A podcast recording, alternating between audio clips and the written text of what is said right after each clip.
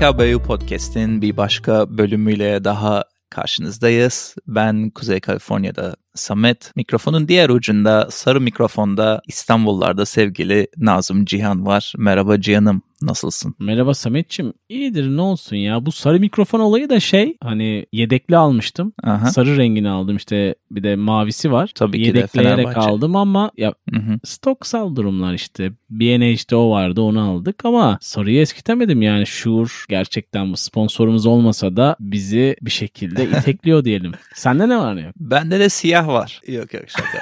Ya, e, Senden zaten Şimdi- siyah dışında bir renk beklemiyoruz Sametçim. ya sıkıntı şu siyah severiz de kedili bir evde o siyah çoğu zaman beyaza ve başka renklere bürünüyor. O, evet sarı. o bakım o bakımdan sıkıntılı bir seçim olmuş. Ya birazcık biraz kırıklık var. Soğuk algınlığı. O yüzden bugünkü Geçmiş bölümde kulaklara verebileceğim zararlardan dolayı önceden peşin peşin özür dileyerek bölüme girelim. Teşekkür ederim. Fena Ee, değil ama ya- sesin bu arada. Hani hafta içine göre ilerleme kaydetmişsin. Zaten o sebepten dolayı sevgili dinleyenin karşısındayız da diyebilirsin. Evet, evet. Biz hafta içi de bir bölüm yapacaktık. Buradan ipucu vermiş oldun. Kaydın bir hafta sonuna denk geldiğine dair. Biz ama zaten biraz... sevgili dinleyen 3 aşağı 5 yukarı iki ihtimal olduğunu biliyor. Çünkü bir hafta içi var bir de hafta sonu var ya.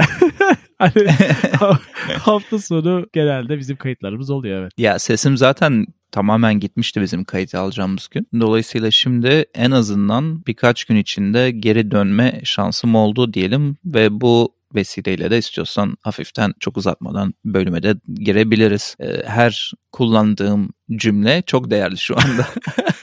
şey gibi biraz da zaten böyle e, tutuk halde bir silah gibi falan. Bu arada hani boğazların falan biraz kötü olduğundan dolayı sen sevdiğin halde sanıyorum buz tüketemiyorsun ama bizi sanki bugün bir trene bindirip kuzeylere, güneylere, kutup dairelerine doğru yol aldıracaksın. Güzel bir bağlantı kurdun. Ee, buradan Sen seviyorsun Seni- ya bu tarz Evet, bağlantıları. evet. Biraz ya O yüzden çok cheesy. yani. Çok cheesy değil mi ya? Türkçe şeyini bulamadım şimdi ama. evet, Ee, evet şey ucuz. Evet ya ucuz çok ucuz böyle bir tatlı hoş bir tarafı var onun böyle bir bağlamak için zorluyorsun Hani- bölüme girerken. Evet. ya evet baya buzlu soğuk yerlere gideceğiz de o buzlu soğuk yerlerin yavaş yavaş o özelliğini kaybetmesinden dolayı ortaya çıkan sıkıntılardan biraz bahsedeceğiz. Aslında biraz bana şeyi de hatırlattı. Kesinlikle. Biz şimdi deniz dibi madenciliği bölümünü yaparken henüz daha ortaya çıkmamış ama çıkma potansiyeli olan bir sorundan bahsetmiştik. Böyle geleceğe dönük bir sen hatta şey demiştin hani kahinlik gibi Nostradamus yanı olan bir bölüm demiştin. Burada da biraz öyle biraz öyle değil. Çünkü Arktik kısımda oluşan erimelerden dolayı daha önce bilim adamlarının hiç görmediği anormal şeyler olmaya başlıyor. Bunlardan bir tanesi de bölüm konumuz. 2014 yılında helikopterle Sibirya'da uçuş gerçekleştirirken bazı araştırmacılar anormal bir oluşum dikkatlerini çekiyor. Nedir bu oluşum? Ee, bu arada bu kelimeyi de doğru söylüyor muyum bilmiyorum ama yeni öğrendim. Düden diye bir kelime varmış bu çukurların oluşması ile ilgili.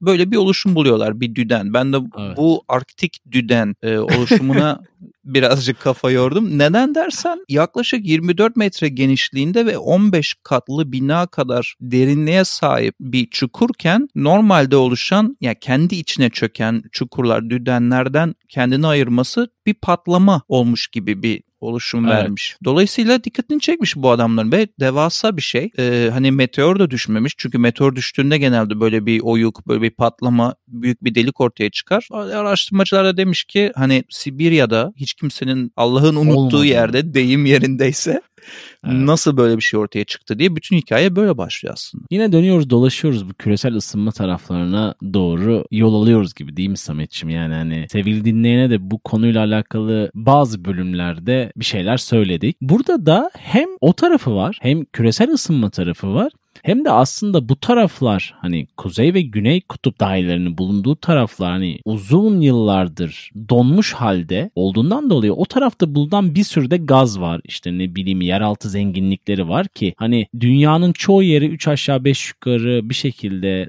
taranda edildi ama kutuplarda o kadar kalın buz tabakaları var ki aslında yüzeye bilim adamları net olarak ulaşamıyor ki onlardan biri de bu duruma belki vesile oluyor ve sonrasında senin bahsettiğin o keşif sırasında bilim adamlarının görmesiyle birlikte araştırmacıların görmesiyle birlikte bir taneyi görüp daha sonra farklı yerlerde olmalarıyla birlikte Samet'te bir sürü düden var ve o tarafın aslında bir normali haline geliyor Kuzey ve Güney Kutup dairelerinde. Yeni Çünkü normal. efendim Yeni normali haline geliyor. Ay bu bu da tabii ki şey böyle yeni kelimelerden biri. Yeni normallerimiz Covid'le beraber.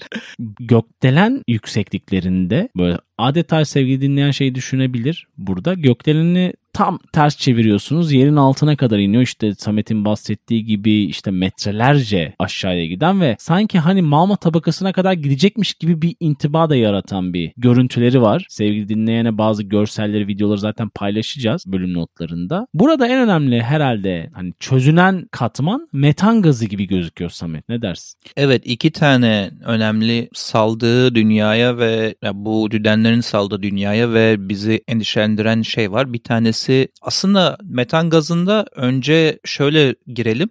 Düdenin oluşturduğu doğal buzun erimesiyle birlikte topraktan çıkan bir metan gazı var. Bir de o iki tane dediğimden ikincisi karbon var ve bunun fosil karbon kısmı var. Yani aslında alt başlıklarla beraber Hı hı. 3'e kadar inen gaz çeşidi var. İki tane iki çeşit karbon, bir çeşit metan gazı. Yalnız bir şey diyeceğim. Küresel ısınmayı geri dönüp duruyoruz diyorsun da o kadar komplike ve öngörülemeyen bir konu ki sevgili Cihan. Mesela bugün konuştuğumuz şey bilmiyorum önüne çıktı mı araştırmalarda ama düdenlerin saldığı ve hatta göllerin saldığı gazları hiçbir araştırmacı hiçbir e, denklemde eklememiş. Göz önüne almamış. Yani hani diyorlar ya yani. bilmem kaç yılında şu kadar derece artacak. İşte şunu yapmazsak şu yıla kadar böyle olacak. Bunların Aha. hiçbirinde bu arktik düdenlerin erimesinden dolayı dünyaya salınan gazları hiçbiri eklememişler denklemlerine. Neden? Ama çok öngörülen bir şey değil tahmin Değil, o yüzden küresel ısınma şey. Ama o yüzden küresel ısınma konusuna çok geri dönüyoruz. Şunu anlatmaya çalışıyordum. Evet. Yarın öbür gün veya bir yıl sonra seninle bambaşka hiç beklemediğimiz dünyanın bambaşka bir tarafından bambaşka oluşmaya başlayan bir şeyden dolayı yine bu konuyu işliyor olabiliriz. Anlatabildim mi? Ya doğru diyorsun. Şöyle bir tarafı da var aslında Samet. Şimdi biz küresel ısınmadan bahsediyoruz. İşte dünyamız ısınıyor, yer küremiz işte farklılaşıyor, değişim gösteriyor. Ama bu kutup taraflarında biz eğer dünya bir derece ısındı diyorsak kutuplar aslında 2 derece ısınıyor. Orada daha farklı bir nokta var ve biraz önce söylediğin not önemli. O tarafın normalden daha fazla ısınması yani aslında bir anlamda sonunda başlangıcı anlamına geliyor benim tarafımda. Sen ne düşünüyorsun? Ya ben de öyle düşünüyorum ama uzun vadede bence bu ya aslında geri dönülemez bir hasardan bahsediyoruz. Çünkü bu Kesinlikle. buzulların yaratılması ve orada permafrost dedikleri daimi donuk hale gelmesi milyon yıllar sürüyor. En azından bazı bilim adamlarına göre bazı insanlar katılmayabilir.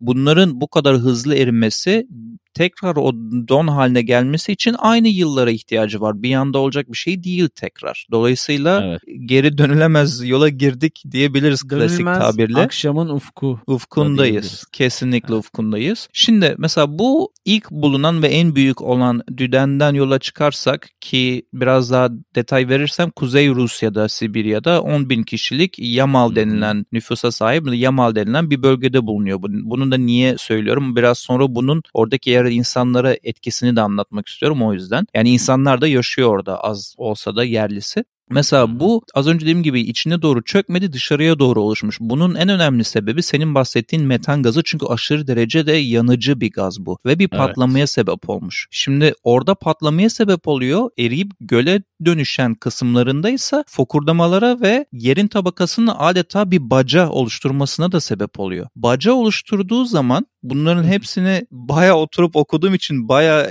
böyle ateşli anlatıyorum. Baca oluşturduğu zaman normal permafrost Dollars, der dem o daimi donun sadece erimesi değil aşağıya daha derinlerine indiği için milyon yıllar önce oluşan fosillere kadar da iniyormuş. Bu sefer fosillere bacayla yol açtığı için onlar da dünyanın atmosferine salınmaya başlıyor. Yani uzun lafın kısası yerin altında tahmin ediliyor bu kesin kes, e, ispatlanamamış. Yerin altında bütün bu permafrostun eridiğinde salınan gazlar ortaya çıksa şu an bulunan gazların iki katı fazla olduğu tüm dünyada bulunan bütün metan ve karbon iki katı fazla olduğu düşünülüyor. Düşünsene şu anki dengemizi ve bunun üçe katlandığını yani zaten hayat büyük ölçüde bitmiş olabilir diye düşünüyorum öyle bir şey olsa. Doğru diyorsun. Şey tarafı da var. Sen Sibirya tarafına değindin. Alaska tarafında da böyle çok sığ olan bir gölde önce fok balıkları fark etmiş bu fokurdamaları. Çünkü zeminden yukarıya doğru günde yaklaşık 10 ton metan gazı salınımı oluyormuş. İnanılmaz bir kaynaktan bahsediyoruz ki biraz önce de söylediğim gibi aslında hani bilinmeyen hani öngörülemeyen çünkü haritaları olmayan bir taraf. Senin de biraz önce değindiğin gibi bilim adamlarının hesaba katmadığı böyle hani bazı sapmalar olur ya hesaplamalarda. Evet. Bu bambaşka bir yere götüren bir durum denklemi gibi Çünkü yeni bir bana. oluşum bu. Yeni bir oluşum çünkü Ve- önceden olmuyormuş bu fokurdamalar ve düdenler. Ve bununla birlikte şey zaten bu hani düdenlerin, çukurların artmasıyla birlikte biraz önce değindin Sibirya'da tarihin en sıcak biraz önce değindiğin Sibirya'da tarihin en yüksek sıcaklıkları ölçülmeye başlanmış ki zaten hani içinde karbon ve hidrojen barındıran yanıcı bir gazdan bahsediyoruz metan gazından. Hani bu patlama efekti verilmiş gibi gözüken düdenler aslında bir tarafıyla da patlamış oluyor Samet. Evet, evet. Değil mi? Evet yok patlamış oluyorlar zaten kesinlikle Ee, bazen etrafında oyuğun etrafında olan kalıntıların metrelerce uzaklarda bulunduğu e, kanıtlanmış bir şey yani hatta 500 metre öteye kadar ulaşmış parçacıklar bile bulmuşlar düdenden çıkan. Yani kesinlikle patlamadan dolayı oluştuğu düşünülüyor. Yalnız görüntülere baktığın zaman Cihan, bilim kurgu filminden bir sahne gibi duruyor bu çukurlar ve düdenler. Gerçekten e, yani Kesinlikle. Sanki hani şeyde Orada olmak istemezsin. bilgisayarda. evet Yani Çünkü karbonun hapsolduğu o donuk madde siyahlaşıyor ve sürreel bir görüntü ortaya çıkıyor çukura ve düdene baktığınız zaman simsiyah çünkü içi. sonsuz bir delik gibi. Evet ya şeye biraz gelmek istiyorum. Permafrost yani bu daimi donun ne zaman böyle bir şey olduğunu yani bunu ne zaman daimi don diyebiliyoruz permafrost diyebiliyoruz. Hı. İlginç hoşuma gitti bu istatistik. Herhangi bir alan 2 yıl üst üste kesintisiz 32 Fahrenheit'ın altında kalabilirse oraya permafrost demeye başlıyormuş bilim adamları. Sadece 2 yıl ama Rusya, Alaska senin bahsettiğin bölgesi Amerika'nın Rusya ve Kanada'da en çok bu permafrost bölgeler var. Yani bu bahsettiğimiz sorunun bulunduğu ülkeler bu ülkeler olacak. Neden ülkeler diyorum? Burada önemli. İnsanlara da etkisi var bunun. Yani bu erimenin ve sonrasında düdenlerin oluşması ve sonrasında gazların artması ve tabakanın yumuşayıp da çökmeye başlaması, inişleri çıkışları olmasının bir e, sonucu var. Bunlardan önemlisi mesela ormanlarda kaymalar oluşmaya başlamış bu kısımlarda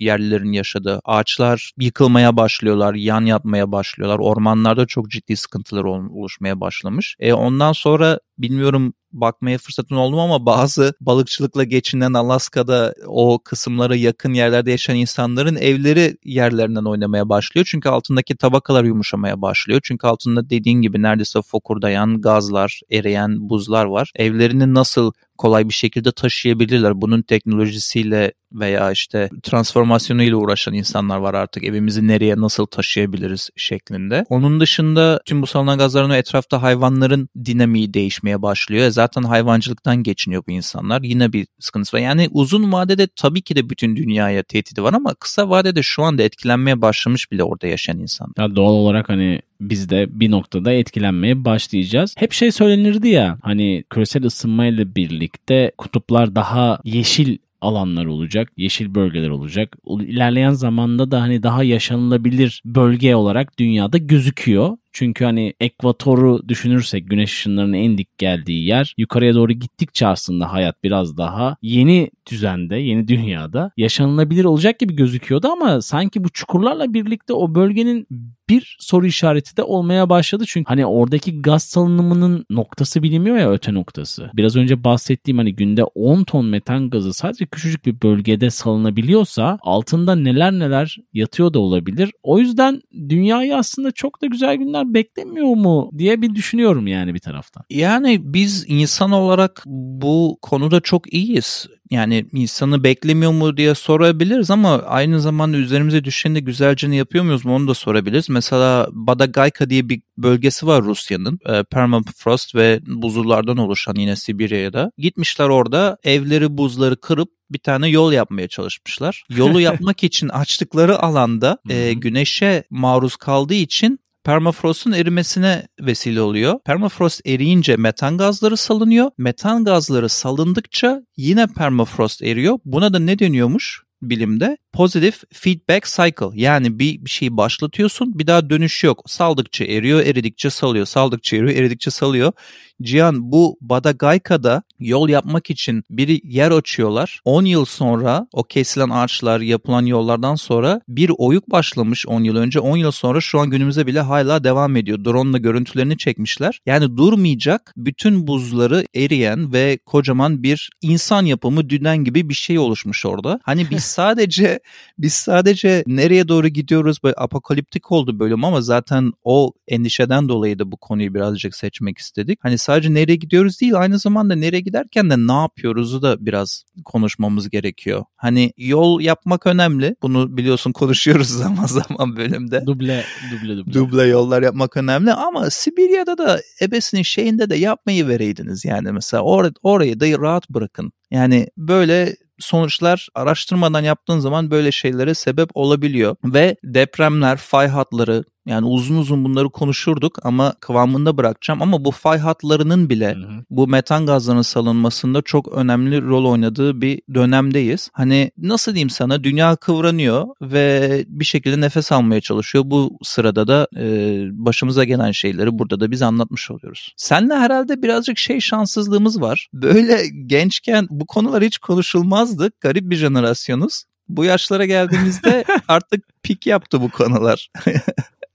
Ama tabii ki hani günümüz dünyasının da evrilmesiyle birlikte bu hale geldi diye düşünebiliriz Samet'ciğim. Bazı bilim adamları bu düdenlerin, çukurların buzul çağından beri aslında süre geldiğini söylüyorlar ya da düşünüyorlar diyeyim. Fakat hani bu seviye hızlanması senin de biraz önce ifade ettiğin şekilde insan etkisiyle oluyor. Belki binlerce yıl sonra olacak şeyleri biz ne bileyim onlarca yıl sonra görmeye başlıyoruz. Bu da tekrara girecek ama belki de bizim şanssızlığımız.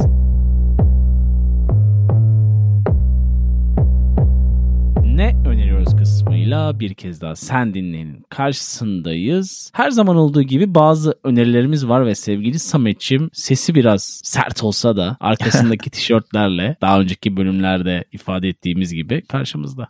Bugün bölümle alakalı ilk önerim Arctic Sinkholes YouTube videosu Nova ve PBS'in yaptığı bir saatlik belgesel. Bugün burada konuştuklarımızın çoğunu ve daha fazlasını orada bulabilir insanlar. Ee, onun dışında da çok uzatmadan sesime de birazcık dinlenme şansı vermek adına iki şarkıyı iki, e, Spotify'a ekleyip... Şarkı söyleyeyim gibi oldu. İki şarkı. şarkı söyleyeyim de sesim kendine gelsin. Bu vesileyle bugün buraya gelenlere teşekkür ediyor. Son iki şarkımla bu podcast'i kapatıyorum. Birincisi Serapim grubundan Call Out My Name. İkincisi de Rodi Dünyada isimli gruptan Ad şarkısı. Bunları Spotify, Deezer ve YouTube'da bulunan şarkı listemize ekleriz. Sevgili dinleyen sen ve ben bunun keyfini sürebilmek için diyelim ve kulaklarımızı sana çevirelim. Teşekkürler Sametçim önerilerin için. Ben de bir tane senin belgeselinin böyle yavru belgesel niteliğinde olacak. Wanderlust kanalında Why Massive Sinkholes Are Suddenly Appearing in the Arctic diye bir kısa işin özeti böyle. Ya Adı uzun, saat, videosu kim, kısa. Bir saat kim izleyecek Samet'in önerdiği videoyu deyip Cihan önerdiği videoyu 10 dakika 5 dakikada hop zıplayıp izleriz Jener- yerleri. Jenerasyonel bir öneri olmuş. Biliyorsun eski boomerlar bir saat 3 saat otursun izlesin. Yeniler de 10 dakikadan sonrasını kapatıyor en azından güzel ya olmuş bak. Hani, sen seversin böyle 2x'li falan YouTube videolarını izlemeyi ama o da çok hızlı oluyor. O yüzden dolayı bu sakin sakin. 1x'te 1x'te izlenir bir video. Onu tavsiye ediyorum. İki tane de HKBO dinlencesine şarkı önerim var. Uzun zamandır önermemişiz deyip bir tane bizim efsanelerden bir şarkı önermek istiyorum. Michael Kivanuka'dan You Ain't The Problem şarkısı. Bir diğeri ise Hannes and Water Baby Stockholm Sweet isimli Yine az sesli az sesli harfli bir şarkı önereyim dedim sevgili Samet. Yine buldum bunlar, diyorsun. Bunlar HKBO dinlencesi playlistlerimizde Spotify, Deezer ve YouTube'da olacak sevgili dinleyen. Evet az sesli harfli şarkıları seviyoruz. Ben şöyle söyleyeyim dinleyene. Senin Kivanukan gelmişse orada sonbaharda gelmiştir diye. Orada bayrağı göndere çekip sevgili dinleyene de teşekkür edelim bu bölümde. Bize yolculuğumuzda her zaman olduğu gibi eşlik ettiği için. hkbpodcast.com üzerinden bize ulaşabiliyorsunuz her zaman bildiğiniz üzere. Onun dışında TikTok hariç Samet'in tırnak içinde TikTok her zaman hariç. ifade ettiği gibi sosyal mecralarda bulunuyoruz. Instagram, Facebook, YouTube, Twitter değil. X artık. onun, onun dışında Patreon'da eğer bir kahve bir hatıra, bir bölüm önerisiyle karşımıza gelmek istiyorsanız bizi Patreon üzerinden de bulabiliyorsunuz sevgili dinleyen. Önceki Sitemizde sonraki linki var. buluşalım değil mi Sametciğim? Aynen öyle. Sitemizde linki var Patreon'unda. Ee, önceki, sonraki, ortadaki, yeniki ne ki bölüm istiyorsanız orada buluşmak vesilesiyle hepinize hoşçakalın. Bay bay.